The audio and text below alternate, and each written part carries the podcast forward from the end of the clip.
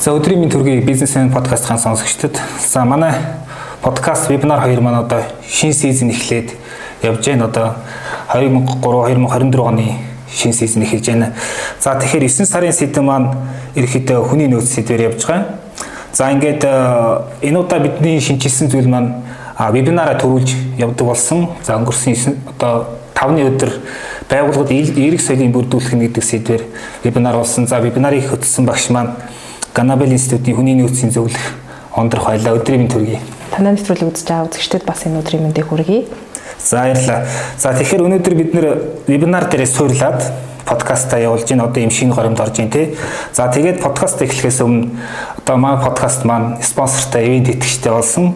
За манай подкаст ивент итгэж байгаа брэнд маань бол одоо Цэник Алтан гагнуурын бэлтгэл, за Монсунс компани Vitos гэдэг юм одоо бүлэг брэнд гэх юм үү те ингээд 6 төрлийн цэник бүтээгдэхүүн байдаг. За энэ удаа маа подкастыг одоо ивент итгэж байгаа нь бол цэник алтан гагнуур юм аа. За тэгэхээр яг Монсман ингээд алтан гануур гэдэг уламж тийм эми ургамлыг одоо ингээд инновацийн бүтээгдэхүүн болгоод цэник гэдэг ийм бүтээгдэхүүн болгоод одоо зах зээл гаргаад олон жил болж байгаа тий. За яг хуу давуу талууд нь гэвэл ерөөхдөө одоо тав тэр шиг оюуны ажил хийдэг хүмүүс илүү тохиромжтой бүтээгдэхүүн.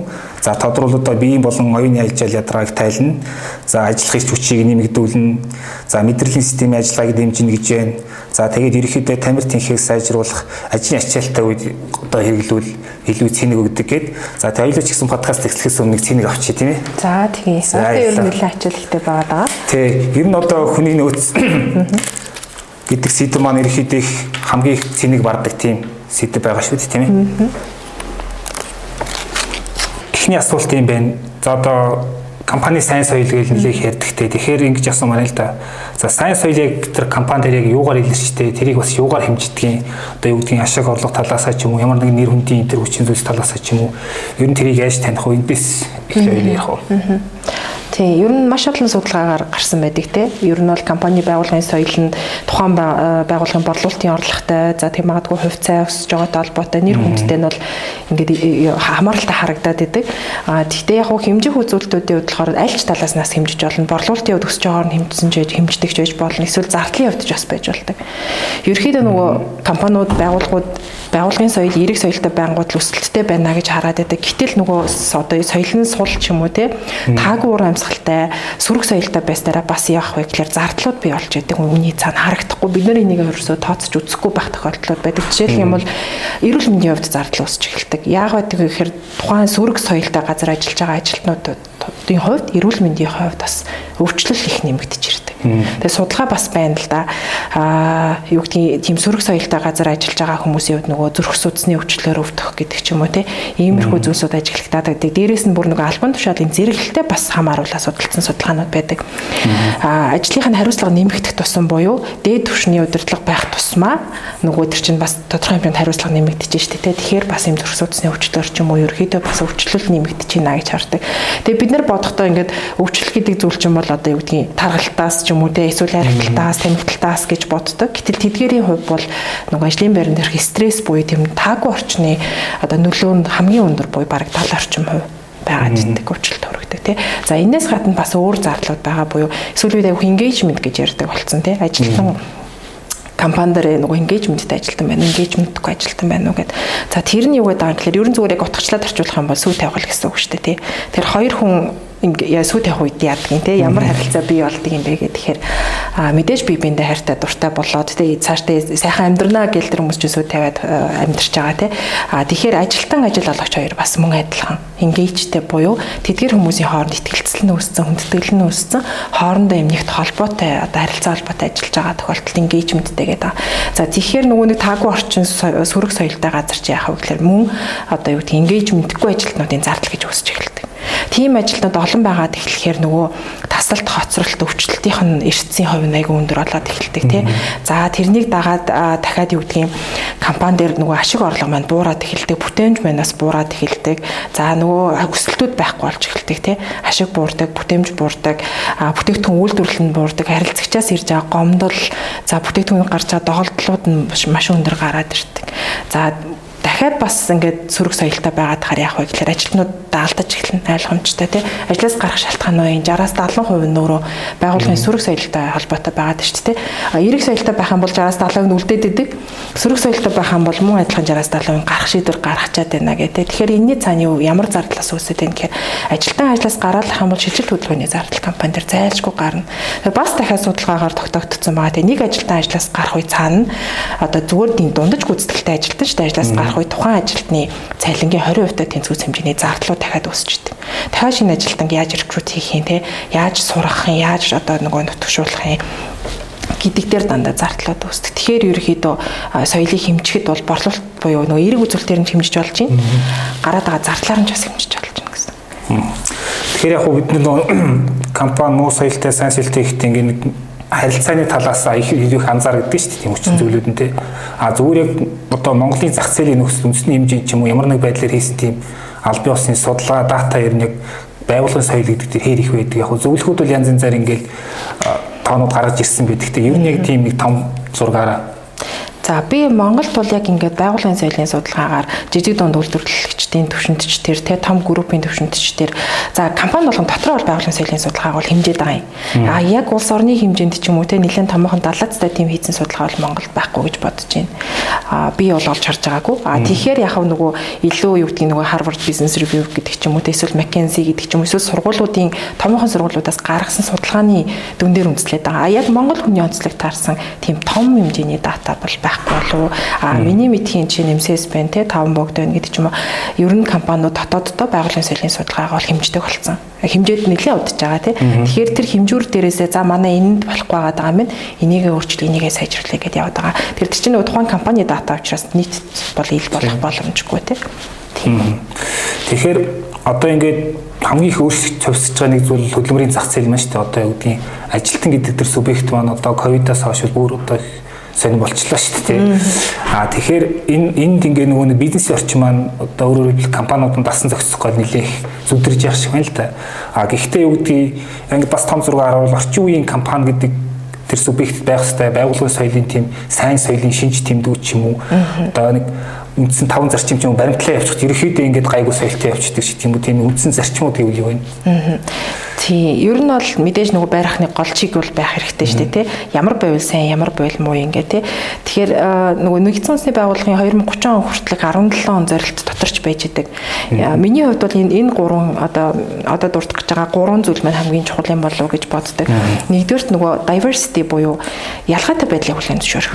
Тухайн ажилтан одоо ер 3 дахь хөөс гэдэг хүртэл гараад ирсэн шүү дээ, тий. Энэ бол ингээд байх хэвээр зүйл. Анкетн дээр одоо нөгөө эрэгтэй эмэгтэй гэл хоёрхан хөөс бүглүүлдэг байсан бол одоо 3 дахь сонголт бол гараад ирсэн тий. Тэрийгээ одоо юу гэдгийг хоёрхан сонголттой байгаа нь 3 дахь хүмүүсээ бид нар ялгуурлан гадуурх чинь аа л гэсэн үг шүү дээ. Тэр хүнд өөрийгөө илэрхийлэх боломжийг бас олохгүй байгаа гэх юм. Тэгэхээр нөгөө ялгаатай байдлыг хүлээн зөвшөөрөх. Магадгүй нөгөө тусгай хэрэгцээд хүмүүс гэж ярьдаг тий. Сонсголын бэрхшээлтэй, харааны бэрхшээлтэй, одоо юу гэдгийг ярианы бэрхшээлтэй хүмүүс байгаад байгаа. Тэгэхээр тэдгээр хүмүүстэйгээ бид нар хамтарч ажиллаж чадчихэв буюу ялгаатай байдлыг зөвшөөрж байгаа чинь хамгийн нэгдүгээрт чухал шинж чанар. Манай компанид энийг ярьдгүй шүү дээ. Одоо ер нь ярьдаг болж эхэлж байгаа. Тий, ярьдаг болж эхэлж байгаа. Анкетанд хүртэл өөрчлөлтүүд оруулж байгаа. Нөгөө шашин шүтлэг улс төр нам гэдэг ч юм уу те эсвэл бүр нөгөө гэр бүлийн статус хүртэл асуухаа болж эхэлж байгаа. Тэр бол ажил хийх тийм онц чухал нөлөө үзүүлэх үзүүлэлтүүд ерөөсөө биш хувь хүний одоо мэдээлэл гэсэн үг шүү дээ. За хоёрт болохоор би нөгөө inclusion буюу оролцоо гэдэг Оролцоо гэдэг нь юу вэ гэхээр одоо компаниуд дээр нийтлэг ажиллагддаг л да оны шилдэг гэж шалгаруулдаг тий. Удирдлагын шилдэг гэж шалгаруулдаг. Тэгээ шилдэг ажилтан гэж шалгаруулдаг. Гэтэл дандаа ганцхан хүн яригадаад байгаа байхгүй. Гэтэл тэр компанидын орлоготой, бүтээмжтэй, ашигтай тий амжилттай ажиллахад хизээч ганцхан хүн тэр ажлыг одоо нугалсан байдаггүй тий. А мэдээж нөгөө лид хийгээд урд нь альбан бол альбан бусаар манлайлаад явдаг хэдий ч нэг хүн шагнал хүртэх чинь бас жоохон очир дутагдaltaй байх гэдэг шүү дээ. Тэр оролцоог хангах буюу бүх ажилтнуудаа тэр одоо үр дүнд хүрэх гээд байгаа бүтээмжт нь бүтээмжтэй ажиллахад нь бүгдийнх нь оролцоог тэгш хангахад бас айгуу сайн одоо юу гэдгийг нөлөөлөх хэрэгтэй гэсэн үг тийм. Дээрээс нь тэр оролцоог нь ширлэх хэрэгтэй буюу ийм одоо зүйлсүүд хийж гинэ гэдгийг бусдад нь бас ингээд харуулдаг. Энэ яагаад тэгээд байгаа гэхээр нөгөө сэтгэл зүйн шинжилгээ ухаанаас хүн гэдэг амьтан чи өөрөө ямарваа нэгэн зүйлийг өөрөө хийгээд чадчих юм бол тэр зүйлээ бусдаа ингэж бахархах дуртай байна л та. Тэр тэр бахархлаар нь дамжуулаад би хийчлээ шүү чадчихлаа шүү гэдэг сэтгэл зүйн дэмжих юм бол бусд нь ч гэсэн тэндээс үлгэр дуурайл аваад илүү сайн ажиллаад байдаг. За гурав дахь нь болохоор нөгөө equity буюу тэгш байдал ерөөхдөө нөгөө тэгш боломж олох гэдэг боловсролтээр боловсролтоор хүртэл яригдчихэж байгаа шүү дээ тий. Тэгш боломж олох гэдэг чинь ямар чухал юм бэ? Хоёр өөр гараанаас эхэлж гэр чинь яаж нэг барайнд очих юм бэ тий? Ижил тэмцүү очих боломжгүй. Тэгэхээр компаниудын хувьд болохоор нөгөө ажилтнуудтай бас тэгш боломж. Энэ нь нөгөө албан тушаал твшгэд байж болж байна тий. Цалин нэмэхэд байж болж байна. Гүйцэтгэлийн үнэлэхэд байж болж байна. Ерөөхдөө нөгөө хөдөлмөрийн харилцаан дээр гарч байгаа ажилд авахд байж болж байна тий. Хөдөлмөрийн харилцаан дээр гарч байгаа бүхэл одоо өөрсдийнхөө тэр сонгон шалралтын хэсгүүд дээр энэ тэгш байдал гэдэг зүйлийг тэгш боломж гэдэг зүйлийг Тэгэхээр би бол энэ гурван зүйл байж иж тухайн орчин маань айгуугаа эерэг байгаад тэгээд ямар ч хүн ирээд ажилласан одоо тухтай таатай байна гэж хардаг. Тэгэхээр одоо яг хуу манай бизнес орчин ерөнхийдөө жижиг дунд бизнес шүү дээ. Одоо 80 90 гаруй хөгжигч ярьдаг. Аа тэгээд тодорхой хэсэгт нь одоо том томоохон компаниуд байгаа. Аа зөвхөн хараад тахаар ингээд орчин үед энэ Монголын компаниуд яг компани соёл гэдэг тал дээрээ нийтлэг гаргадаг тийм алдаанууд ер нь яг дахин дахин давтагтаад ингээд байгаа тийм алдаанууд. Тэ мэдээж нөгөө э, бүх юм хоёр талтай шүү дээ. Алдаа дутагдaltaж байгаа, амжилт олтонч байгаа. За алдаа дутагд их хөвчлэн гардаг алдаа гэдэг юм бол аа ер нь бол байгууллагын соёл хин нөлөөлдөг вэ гэхээр хүн л нөлөөлдөг байгууллагын соёл гэдэг зүйл чинь өөрөө хийсвэр хадгалт шүү дээ. Тэ ингээд бариад барих боломжгүй харагдахад бас ингээд шууд за одоо гэдэг улаан өнгөтэй ч юм уу цэнхэр өнгөтэй байна, зөөлөн байна, хат байна гэж хэлэх боломжгүй. Тэгээ хүн дотроо хүн дотроо илүү нөгөө удирдах байгаа менежерүүд хамгийн гол нөлөөтэй байдаг. Тэгэхээр гаргаад байгаа алдааны нийт дийлэнх хувийг ерөөхдөө нөгөө менежерүүд эзлээд байдаг гэж судалгаанууд ч бас байгаа л да. Тэгэхээр менежерүүд мань яаж юм гэхээр өөрсдөө нөгөө ажилтнуудтайгаа итгэлцэл хүндлэл тий ойлголцлын төвшин жоохон багтаа байгаад байна гэсэн. Тэн дээр айгуух алдаа үүсдэг. Тэгэхээр чин нэг баг болж ажиллаж чадахгүй байгаад байна. Доороо ажиллаж байгаа ажилтнуудтайгаа ихтгэлцэл үүсэхгүй, итгэхгүй байгаа тахаар чи нөгөө буруу соёл тогтдог тий. Айдсаар гэх юм уу. Ер нь бол хүнийг ямар нэгэн гүйцэтгэл, ямар нэгэн зүйлийн ард гаргая гэвэл ер нь хоёр янзаар одоо э, хөдлөх юм бол те одоо амжилт нь тэрийг одоо хийж гүйтгэж чадна гэд бас ингээд үздэг.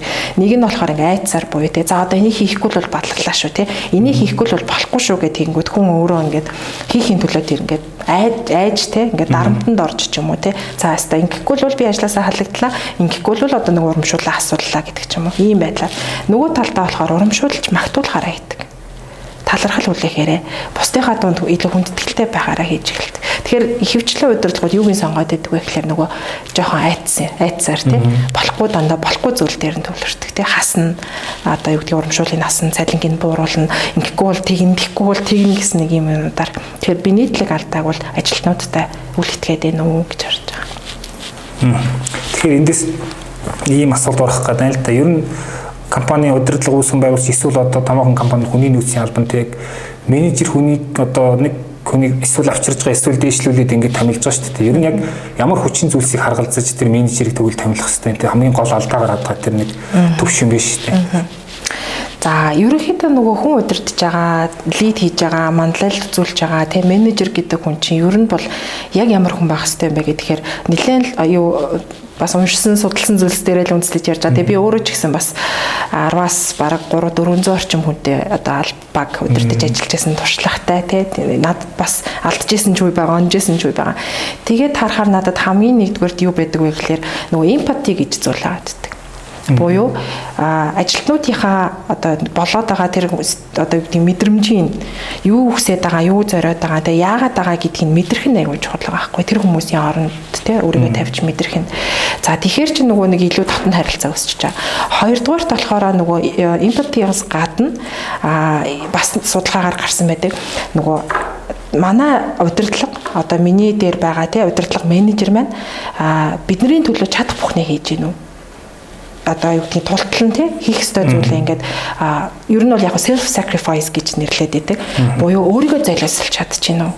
гэдгийг айгу хард юм байна л да.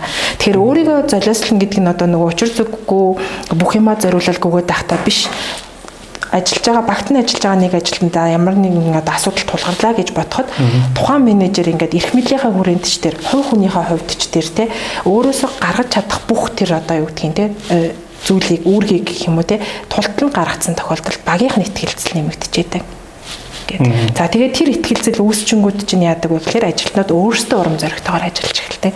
Тэгээ бүр энэ дээр нөгөө тарих судлалын Америкт хийгдсэн байсан баха нөгөө сэтгэл судлалын нийгэмлэгээс нь хэцүү дарахтай байсан. Буюу дарамтлагдаг те одоо юу гэдгийг нэлээм хэрцгий дүү гэх юм уу те ер нь юм трама усгдсан ч юм уу те сэтгэл зүйн гэмтэл учруулсан тийм дарахтай байсан хүмүүсийн одоо тархины бичлэг хийж юу яасан баа. Судалгаа хийсэн баа.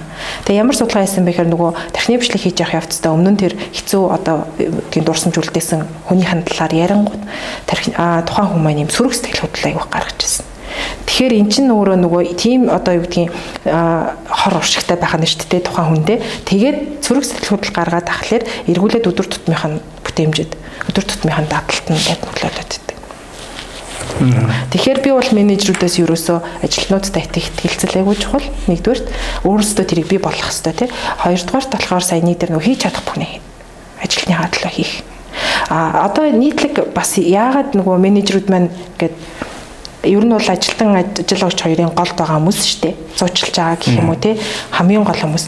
Тэгэнгүүт дийлэнхтэй байгууллагын борлуулалт ашиг бодоод идэг. Зөвхөн бизнесийн ашиг орлогоо бодоод идэг. А гэтэл энд чинь бол нөгөө ажилтан гэдэг зүйл чинь бас компани бас нэг одоо чухал нөөцүүдийн нөөцийн нэг хэсэг штэ. А нэг хэсэг бол нөгөө shareholder гээл туд зайгүй чухал те удирдлага их чухал хөрөнгө оруулагчдыг чухал бид нэр их орлого олох хэвээр их ашиг олох хэвээр гээл яадаг байсан. Гэтэл одоо бол нөгөө stakeholder буюу тухайн байгууллагын үйл ажиллагаа явуулж байгаа одоо үйл ажиллагаанд оролцож байгаа бүх талууд чухал болсон. Тэгээд бүх таалууд бүр тэнцвэж чухал болсон. Тэгэхээр ажилтан гэдэг чинь өөрөө баг хэрэглэгч үйлчлүүлэгчээс илүү үнцэнтэй одоо субъект болох гэдэг шүү дээ. Тэгээ ажилтан өөрөө happy байх юм бол аз жаргалтай байх юм бол ажлаа сайхан хийн. Ажлаа сайхан хийхээр чи хэрэглэгч маань илүү аз жаргалтай байна. Тэгээ хэрэглэгч аз жаргалтай байхаар чи тэгээд компани борлуулалт өсөх гэдэг ч юм гээ хоорондоо уялдаа холбоотой. Тэгэнгүүт буруу зүйл дээр надад бол дийлэнхтэй менежерүүд маань нөгөө борлуулалтаа хараад идэг. Буурчлаа штэ, өсчлөө штэ гэдэг Эсвэргээр ажилтан маань аз жаргалтай байж чадчихэв нөө ажилтан илүү таатай орчинд ажиллаж чадчихэв нөө гэдгийг харах нь их чухал. Саяхан хизээл 2 3 жилийн өмнө барууны корпорацууд чинь бүр юм аль биесны юу гаргаад зүтэй тий одоо шеэр холдруудаа бүхний төрөнд ингэж тавиха болио тий ажилтнууд одоо энэ чи ягаад тэр нэг инновац гарахын бүр удаашруулад байна ч гэдэг юм нэг айхтар тийм том юу гарсан байсан. Аа тэгэхээр өнгөрсөн вебинар дээр бас та ингээд одоо байгууллагын соёлын бас нэг 5 6 хэв маягтай ер нь юунд илүү одоо үндэслэж байгууллагын соёлыг бүрдүүлэх гэж ярьж ирсэн. А энэ дундаас харахад ер нь Монголын нийтлэг зураг нь яг юу вэ те? Юунд бид нэг байгууллагын соёлыг бий болох илүү мотивац хүчин зүйл нь болоод байна гэх талаас ярив. Ер нь бол нэлийн олон хүчин зүйлүүд л нөгөө нийлж ижил одоо синержи үүсчээж гэх юм уу те нөлөөл нь яг тэр нь илүү давмгаа гэд хэлчих юм бол байхгүй. А гэхдээ зүгээр ажиглагтаад байгаа зүйл болохоор ажилтнууд илүү материалог гэхээс илүү одоо well being гэж аяг ярьдаг болсон тийм сэтгэл зүйн болон биеийн тийм тайван амар амгалан байгаа газарт илүү ажиллах дуртай болчиход шүү дээ. Тэгэхээр тэр тал дээр илүү анхаарах тэр нь илүү хамгийн гол хүчин зүйл болчиход байна гэсэн. За маа одоо сүүлийн үед нөгөө байгууллага дээр фитнестэй, йогтай, за юу гэдэг чөлөөт цагаа өнгөрүүлэх тийм зөндөө олон хэрэгслүүдтэй болчиход байна тийм ажилтнуудаа татах. А тэгсэн хэрнээ яг орчин нь өөрөө токсик гэж юм уу тийм орчин хортой. Удирдлагын дарамтлагдаг байгаад тах юм бол илүү өндөр цалин байсан ч гэл тэндээс хүн гараа явах гэдэг тийм. Тэгэхээр хамгийн гол хүчин зүйлүүд ерөөсөө хүн ямар орчин таатай ажиллах юм, ямар орчинд ийм аюулгүй байдал мэдрэх юм. Тэр аюулгүй орчин гэн бий болох нь хамгийн чухал хүчин зүйл гэж бодож байна. За баярлалаа. Тэгэхээр дараагийн асуулт орохоос өмнө ивент итгэж бас тавч дурдъя те. Манай энэ удаагийн подкастын дугаарыг Сэнийг Алтан гануурын бэлтгэл брэнд ивент итгэж байна. За ингээд ирч хүчээс хэлбэх Алтан гануурыг хэрэгэлцгээе. Нэг анзаарсан зүйл нь үгээр одоо бид чинь бизнес ивент подкастаа 200 гаруй дугаар хийгээ явж байна. Тэгээд энэ хооронд хүний нөөц, менежмент, соёл, манлайл гээд одоо энэ компанид их асуудлыг аюу олон талаас нь ярилцлаа да. Тэгээд би зүгээр өөрийнхөө хувьдаа юу гэж анзаарсан хэрээсөө бүх юм ингээд хүн хоорондын харилцаанаас үүсдэг юм байна те. Амжилтанч тэр алдаанч тэр одоо бүтлгүүтл юу гэдгийг оноонч тэр те. Тэгэхээр тэр хүн хоорондын харилцааг хэр сайн менеж хийж одоо хурц хурц өнсгүүдийг ингэж ялгуулах чадчихээн. Тэндээс энэ бүх юм хамаарат ах шиг. Тэгээд юу асуусан хэр ингээд зарим байгууллагыг харахаар ингээд нэг юм одоо хортой элементүүд гэж би бодоод байгаа харилцаанд одоо байгууллагын соёлд хортой элементүүд нэг нэг гомдсон ч юм эсвэл нэг айгаад хэлж чадахгүй ч юм айдас бий болцсон те. Тэгээд тэр нэг гүнзгийрс яваад нэг өдөр дэлбэрээд одоо ямар ч үр дагавар төрөгдөг. А тэгэхээр тэр хортой элементүүдийг утаж гаргахаа одоо те баг дээр барын зүйлсээ баг дээр гэдэг шиг тэр нэг харилцааны соёлыг тэр компанид яаж бий болох хин ч ингээд асуудал гарвал нуулгүй юм хэлж чаддаг чи дарахтаа шинэ зэрэгтэй шинүүдээ тэр юм их чухал юм шиг байна. Зүгээр энэ дээр та өөрөө одоо 10 гаруй жил хүний нөөцөөр ажилласан туршлагаас ярина онцол Тий, энэ дээр бол ерөөдөө нөгөө ажилтнуудыг нууж хаах зүйлгүйгээр судалгаа өгүүлэх гэдэг чинь өөрөө айгүй чухал болчиход байгаа. Нөгөө нэргүй тий. Хин өгсөн гэдгээ ер нь хүн чинь бол за ундрах гэж хичээл тий. Судалгаа авах юм бол бас яг үнэн зөв хариулах уу юу тодорхойгүй дээ тий. Зарим хүмүүс бол шууд илэрхийлнэ, зарим хүмүүс бол за яшиг дараа нь асуудалд орчих байх гэх үнэн байдлаа хэлэхгүй. Тэгэхээр ерөөхдөө нөгөө ажилтнуудаасаа тэр тогтмол судалгаа аваад авсан судалгаа маань өөрөө нэргүй тий. Тэгээд асуудалт нь илүү төвлөрдөг байна хүн гэхээсээ илүү тий асуудал дээрээ илүү төвлөрч тэр одоо болохгүй байгаа зүйлсүүдээ гаргаж ирэх. За эсвэл одоо юу гэдгийг байгууллага дээр юм тусгай дугаарууд ажиллуулах бас боломжууд байгаа шүү дээ тий. А нэргүй дуудлага авдаг тий. За тэн дээрээ нөгөө хамгийн одоо асуудалтай байгаа асуудлуудыг сонсдог тэмдэглэж авдаг, буцаагаад яаж шийдвэрлэснээ хэлдэг ч гэдэг юм уу тий. За эсвэл бүр нөгөө мэйлэрч авдаг тохиолдлууд ээ. Гэхдээ мэйлэр авдаг, цаасаар авдаг, утсаар авдаг тохиолдлууд байгаа. За сүүлийн үед болохоор бүр нөгөө бас ажлын байран дээр юу яадаг сэтгэл зүйч тэн дээр ажилтдаг болцсон. Гэхдээ яг хав нөгөө хувь хүний нууцлал гэдэг үднээсээ яг байгууллага доторх сэтгэл зүйч гэхээс илүү гадны байгууллагуудыг аутсорсинг байдлаар буюу мэрэгжлийн сэтгэл зүйч нартай хамтарч ажиллаж асуудлуудыг сонсох, шийдлүүдийг сонсох тий. За тэгээд бас нөгөө сургалтаар дамжуулаад А дээрэс нь нөгөө one to one уулзалтууд аягүй чухал гэдэг face to face гэдэг нь шүү дээ. Яг өөрийнхөө удирдлагын дор ажиллаж байгаа ажилтнуудтайгаа ганцаарчилж уулзах нь өөрөө бас тэнд одоо гараад байгаа асуудлыг илрүүлэх, ярилцах, тэ эсвэл бүр шийдэл олох тэ тийм боломжуудыг олгочдөг.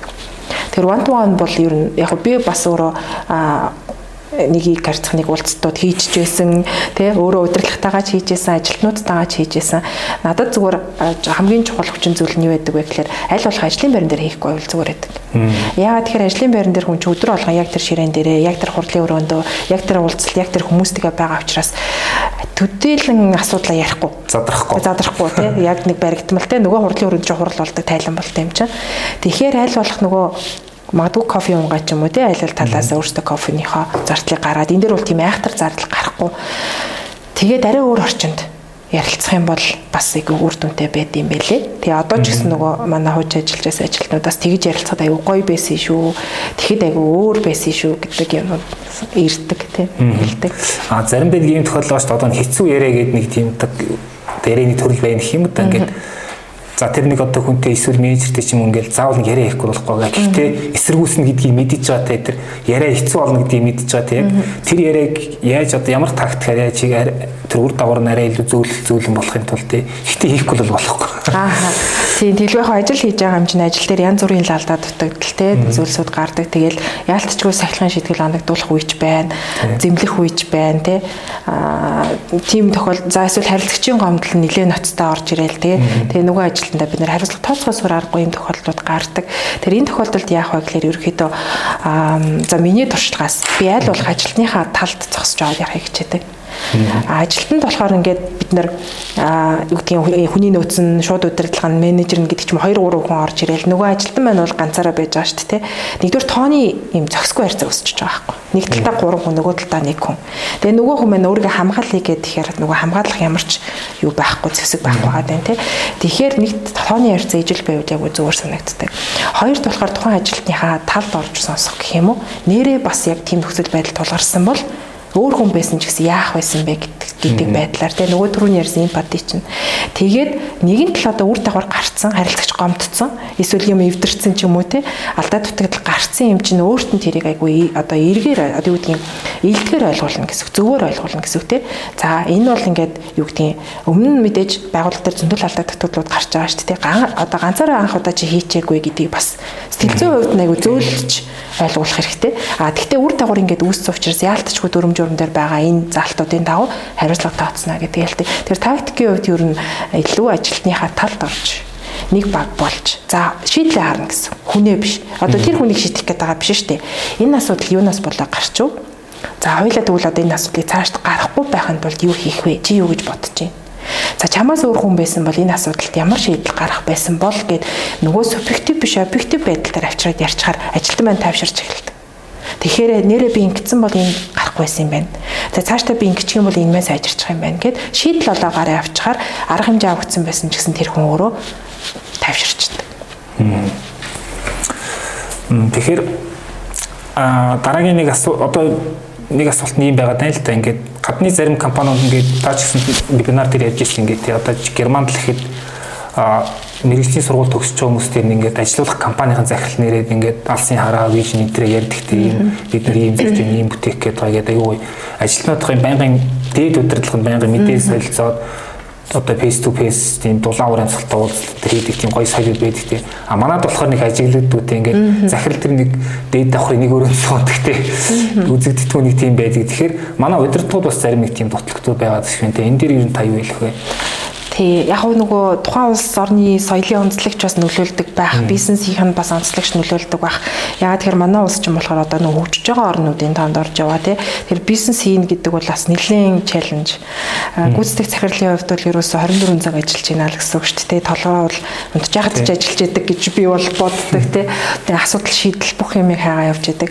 Тэгэхээр бас нөгөө төвлөрч байгаа зүйл нь хүн биш асуудал болчих гээд байна Тийм учраас тэн дээр бас цаг гаргаж төдийлөн амжихгүй байгаа. Ер нь бол юу бодол нь байгаа л ахalta би өдөрлгүүдийг тэгж хардаг. А гэтэл яг нөгөө аль хэдийн хөгжсөн гэх юм уу? Эсрэнгөө хөгжсөн те. Тэгээд илүү нөгөө хүн гэдэг зүйлээ дээдэлдэг, ажилтан гэдэг зүйлээ дээдэлдэг болсон улс орнуудад болохоор илүү яг төрөний хэлсэнчлэн хүнтэйгээ аягүй сайн тулж ажилладаг. Тэгээд тэр шинэ ажилд орж байгаа хүмүүсээ ингээ багаар нь одоо магадгүй юу гэдгийг сүүлийн 2 7 хоногт ажилд орсон хүмүүсээ нийтэд ингээ хүлээж аваад сургалтын дээр нь бүр өөрсдөө ирээд ээлжлээд те. А тэр чинь бол нэлээд C level-ийн том захирлууд нь шүү дээ тий. Тэр дээр хүмүүс маань яриа идэг. Яагаад энэ компанид ажиллах тий ёстой юм бэ? Тэгээд яагаад нөө манай компанийг сонгоод ирсэнд нь талархдаг гэх юм уу? Тэр нь бас нөгөө итгэлцлийн аягүй том болгоод өгчдөг. Тэгэхээр хамгийн том цахирлаа арцсан хүн ч одоо тэгээд тодорхой хэмжээнд хүн чинь нэг юм нэрээ хичээнэ гэж юм байгаа шүү дээ. За би нэг жоохон хичээгээд ажиллаад үзье те. Надад ийм их ихтгэл үзүүлж байгаа юм чинь би ч гэсэн буцаад итгэлийн итгэлээр нь хариулчихъя гэдэг нэг юм connection үүсдэм байл л. Тэр яг нөгөө Швейцарт ч тэр нөгөө Рис Карлтон гэдэг дэлхийн одоо хамгийн одоо номер 1 зочд буудал гэж ярьдаг тийм. Энэ зочд буудалд ажиллаж байсан охин маань бас тэгж ярьж байсан байхгүй юу? Тэнд айгу гоё би ингээд анх ажилд орж явахт ингээд зөөгч тоогооч те за буудлын менежер юу гэдэг ингээд буудалд байдаг зочд буудалд байдаг бүхэл төрлийн хүмүүс ажилд орж байгаа. Тэгээ ажилд ороод нэг 10 20 хүмүүс ингээд заалан сууж хахад бүр хамгийн том босс нь орж ирээд те ингээд бүр мэдлээд тэгээ манай компанийг сонгоод ажилд орж аваад баярлаа гэд ингээ бүр талархаж байсан. Тэгээд тэр бүр амар гоё санагдчихсэн гэн.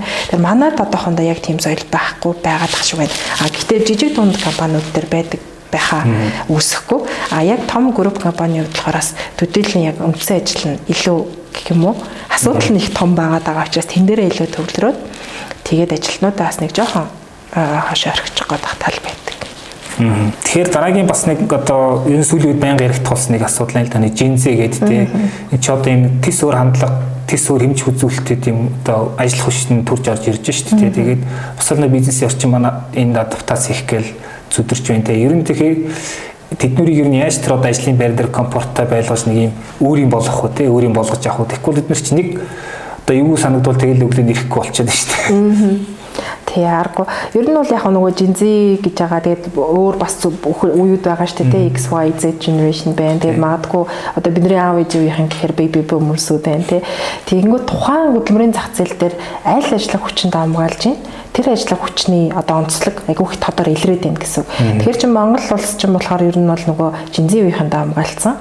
Хүүхд залуучууд нь хамгийн өндөр, оюутан те за одоо 30 хүртэлх насныхан бол хамгийн өндөр хувийг эзлээд байгаа ийм залуу одоо аюутай хүн ам зүйн төлөвтэй орон гэж үздэг шүү дээ. Тэгэхээр яалтчгүй л бид нэр одоо юу гэдгийг 10 жилийн өмнө бол нөгөө Y generation-ийн зориулаад тий ажлын онцлог байдаг байсан бол одоо илүү Z generation зориулаад ажлын одоо арга барилаа өөрчлөхөөсөөр аргагүй. Тэр тэдэр хүүхдүүд маань юу хүсээд байгаа вэ гэхээр а нэгдүгээр дижитал 900 төсөө таримцсан. Мэдээллийг хаанаас л ханаас авч болдог тий. Төрөөд магадгүй за бүр 10-таагаас ч юм уу тийм 95-аас 2005 оны хүмүүс байгаа учраас дөнгөж 10 11-тэйгээс утас бариад эхэлсэн. Мэдээллийг бүр одоо юу гэдгийг Монгол гэлтэхгүй тийм өөр улсуудын хил дээрээс ч гэсэн авдаг болсон. Аа тэгээд мэдээллийн тод байгаад учраас тэдэр хүмүүс яаж юм гэхэлэр аа ямар нэгэн зүйлийн талаар ойлголт нэг өргөн болцсон байхгүй юу? Хин нэгнэр заавал нэг ааваас ээжээс багшаас те сургууль хүмүүжүүлэгчээс найз нөхдөд сонсоодсон илүүтэй дэлхийд дээр байгаа олон улс дээр байгаа мэдээллийг юм зөв их сурвалжаас нь авдаг болсон. Тэгэхээр илүү сөрхий олчин гэсэн. Илүү айхтар олчин гэсэн те. Тэгээ тийм айхтар сөрхий одоо юу гэдгийг тэр чинь аа за юу гэх юм нэг талаараа бол магадгүй манай аав ээж нарын 40 50 хүрээд ойлгох байсан ойлголтыг дөнгөж 17 8-д ойлгочод байна л гэсэн үг байхгүй. Аа амьдрал гэдэг чинь юм юм байна штэ. Бизнес ингэж явагддаг юм байна штэ. Тэгэхээр надад бас ашигтай байх хэрэгтэй юм байна штэ. Аа гэтэл бидний үеийнхэн ч юм уу те биднээс дээшээ үеийнхэн яаж байгаа гэхээр нөгөө өөрөө биеэрээ туулсараа туулсараа магадгүй нэг зэгт ирэх үедээ аа надад ч гэсэн ашигтай байх хэрэгтэй байсан юм байна штэ гэдгийг ойлгохдаг. Тэгэхээр маш хурдтай ойлгоод тэгэд өөртөө ашигтай байгаа тэр хувилбарыг сонгоод байгаа хүүхдүүд юм бол буруу биш гэж харж байгаа тий. Тэр бол угаасаа хүн өөрөө өөртөө ашигтай зүйлийг хүсэх нь бол зөв. За тэгэхээр тэн дээр яаж ажиллах вэ гэхээр а одоо хүмүүс илүү яадаг болсон бэхээр өөрийнхөө зориг үнд зүйлийг хурдан олдог болсон гэсэн. Тэгэхээр тэр хүүхдийн зориг нь юу юм үнд зүйл нь юу юм? Тэр зориг үнд зүйлтэй таарах компанийг сонгож ин гэсэн. Тэр сонголтыг бол ажилтаа өөрөө хийдэг болчиход байна шүү дээ. Тэгээ энэ дэр нэг юм инээдтэй кейс болж исэн гэх юм уу? Нэг ажил нэг компани ажилтаа ярьж байсан, удирдлага ярьж байсан. Шинээр ажилтаа авсан юм байна л да. Тэгээд 3 сар бол нэг дадлагч хугацаа гэж байгаад байгаа шүү дээ. Жинхлэх хүртлээ. За тэгээд жинхлэх тайлан болсон гинэ. Жинхлэх тайлан тавиал мэдээж тэр нөгөө жинхлэх тайлангууд чи удирдлагууд нь сонсож байгаа, багийнхан сонсож байгаа тий. За жинхлэх тайлангаа тавиад дуусаад аа удирдлага нь те нөгөө уг нь бол асуух асуулт байна уу гэж явдаг те. Тэгээд тэгсэн чинь асуух асуулт байна уу удирдлага нь асуусан чинь тухайн нөгөө дөнгөж орсон байсан. Тэгээд жинзийн үе байгаа байхгүй. Тэр мань юу гэсэн бэ гэхээр дүнэлтээ хэлээрэй гэж тэгсэн маа. Тэгсэн чинь за би дүнэлтээ хэлье. Ер нь бол би танай компанид орохоор шийдлээ тий. Танахыг сонгож байна гэх тий. Эсрэгээрээ болцсон.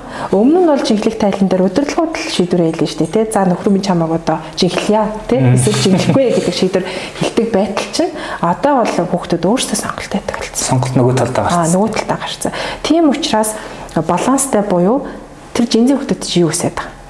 Юунд дуртай юм яавал илүү урт хугацаанд те ажиллах юм бэ гэдэгт дээр нь илүү анхааруул зүгээрээ гэсэн. Тэгээд нөө үнд зүйлтэйг нь тухайн одоо хүүхдийн үнд зүйлтэй компани үнд зүйл нийцж байгаа хэсэг нь айгүй чухал. Тэгээд сүүлийн үед айгүй ийм асуултууд асуудаг болсон байлаа ажилд орохдоо.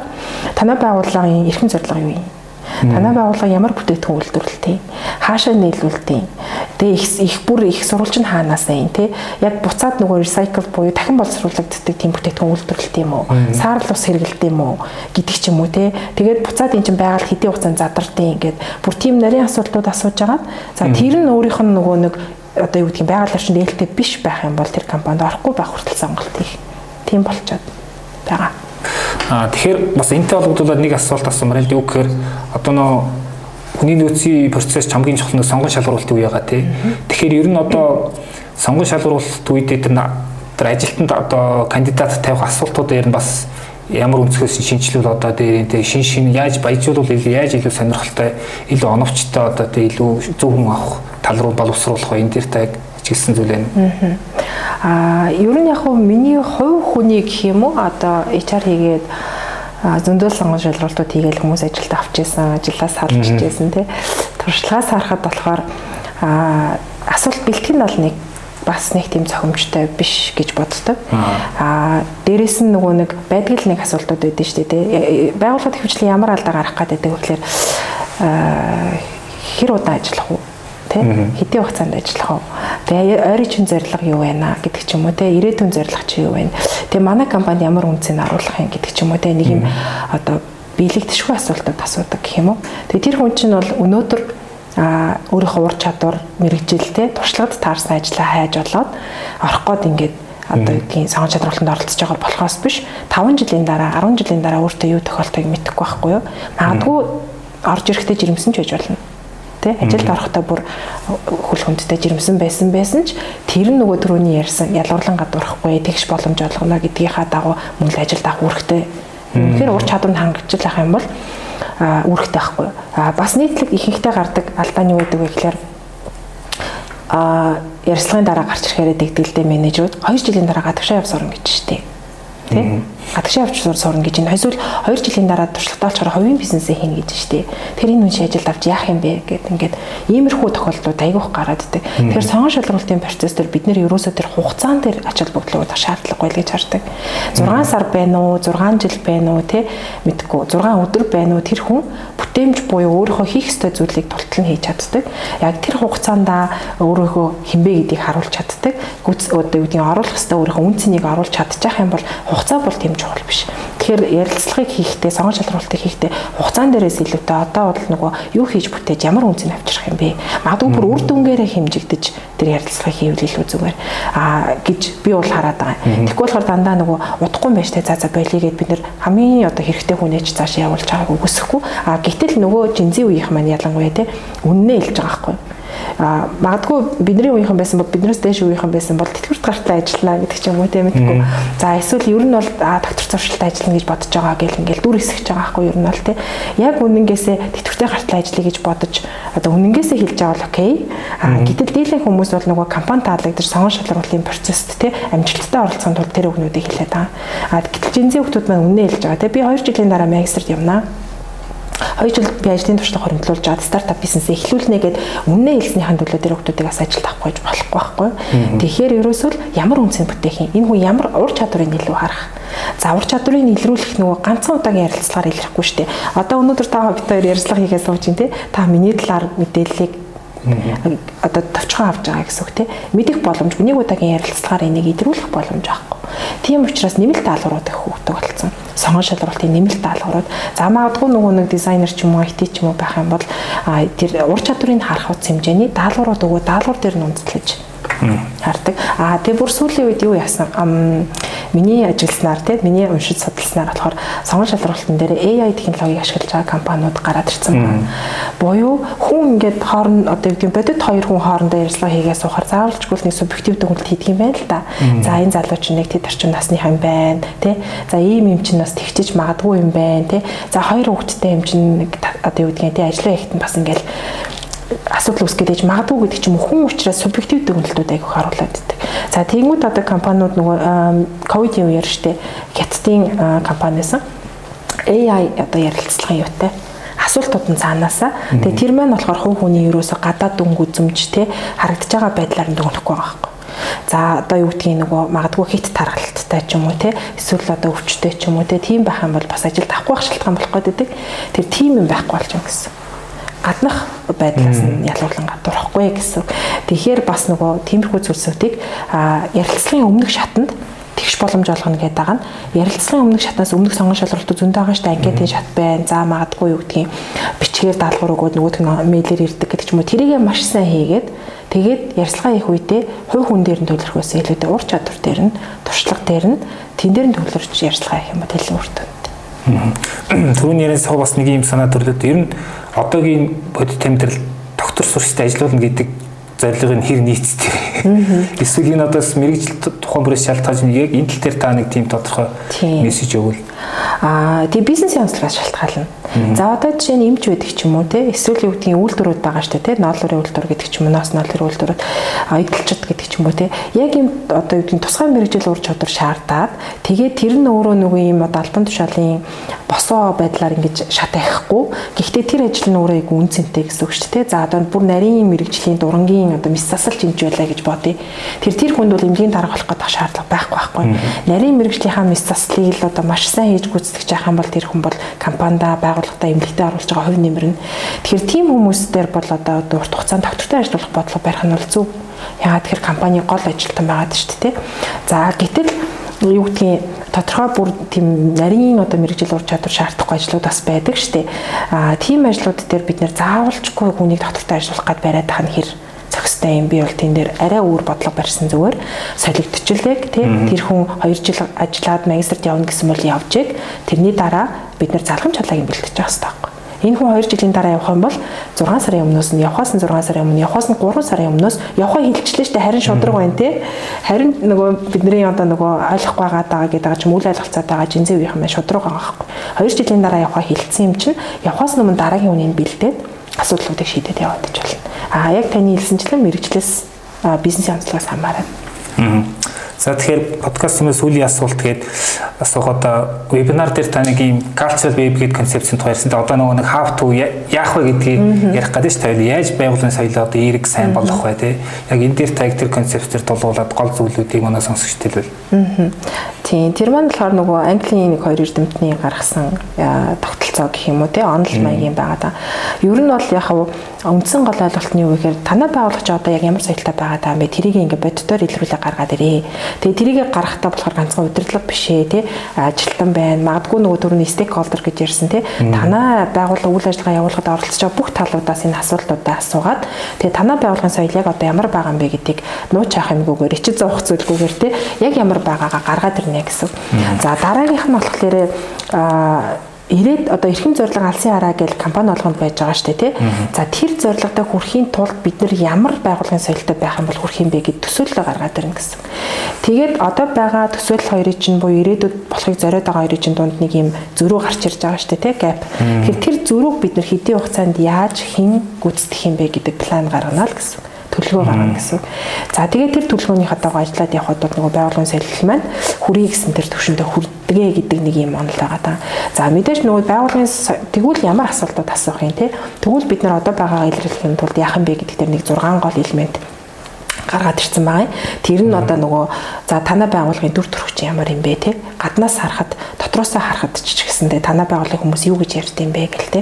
За танай дүрм журм чинь ямар байд юм бэ? Танад одоо юу гэдгийг онцгой хэрэглэгддэг тийм нь одоо бусад газруудад байдгүй гэхдээ танад байдаг тийм онцгой дүрм журм онцлогч нь юу байгаад байгаа юм бэ? Байгууллагын бүтц чинь ямар юм бэ? Хэвтэй юм уу босоо юм уу зигзаг юм уу те? Одоо ч бол ер нь ямар л бол ямар хэлбэрээр холимогч байгаа шүү дээ байгаад байгаа юм уу эрх мэдэл барилт нь ямар юм бэ? Хин гол шийдвэрийг гаргах гаргад юм бэ? Захирал хилчингүүд парк гэл доошогоо бүгдээрээ биелүүлээ явчихд юм уу тий? Эсвэл ажилтнанд бас тодорхой хэмжээнд эрх мэдэл байгаад байт юм уу тий? Аа эрх мэдэл нь ямар юм, бүтцэн ямар юм, дүрм журамч ямар юм, байгууллагын гадны хүмүүс юу гэж хараад тийм та нар өөртөө юу гэж хараад тийм ингээд ийм 6 төрлийн элементүүдээс бүрдэж асуултуудаа асуугаал. За тэгээд тэн дээрээсээ за бид нар энэ дээрээ ер нь бас тий болохгүй байгаа юм биш үү? Энийг өөрчлөе гэсэн одоо чиглэлээр явдаг ойлголт байгаа. За баярлалаа манай подкастын дугаар энэ төрөйд өндөрлж байна. Энэ удаагийн зочноор Ганабел институтын хүний нөөцийн зөвлөх ундрах оролцлоо танд амжилт хүсье. За баярлалаа. За тэгээд тийм. За подкастын төгсгөлд бас ивент итгэжээд урдээ тийм ээ. За энэ удаагийн дугаарыг маань Monsoons компани одоо Vitos гээд брендийн цэник бүтээгдэхүүн ивент итгэж байна. За 6 төрлийн цэник байдаг одоо тийм энэ удаагийн ивент итгэж байгаа бүтээгдэхүүн маань Алтан гаг нурын бэлтгэл цэник бүтээгдэхүүн хамтарч ажиллаа. Та бүхэнд баярлалаа. За баярлалаа. За баярлалаа. Бизнес эрхлэг шинтерпренерүүдэд зориулсан сар тутмын бизнесмен сэтгүүл нь хэвлэмэл болон дижитал хувилбараар уншигч танд хүрч байна. Бизнесийн мэдлэгээр таныг зэниглэнэ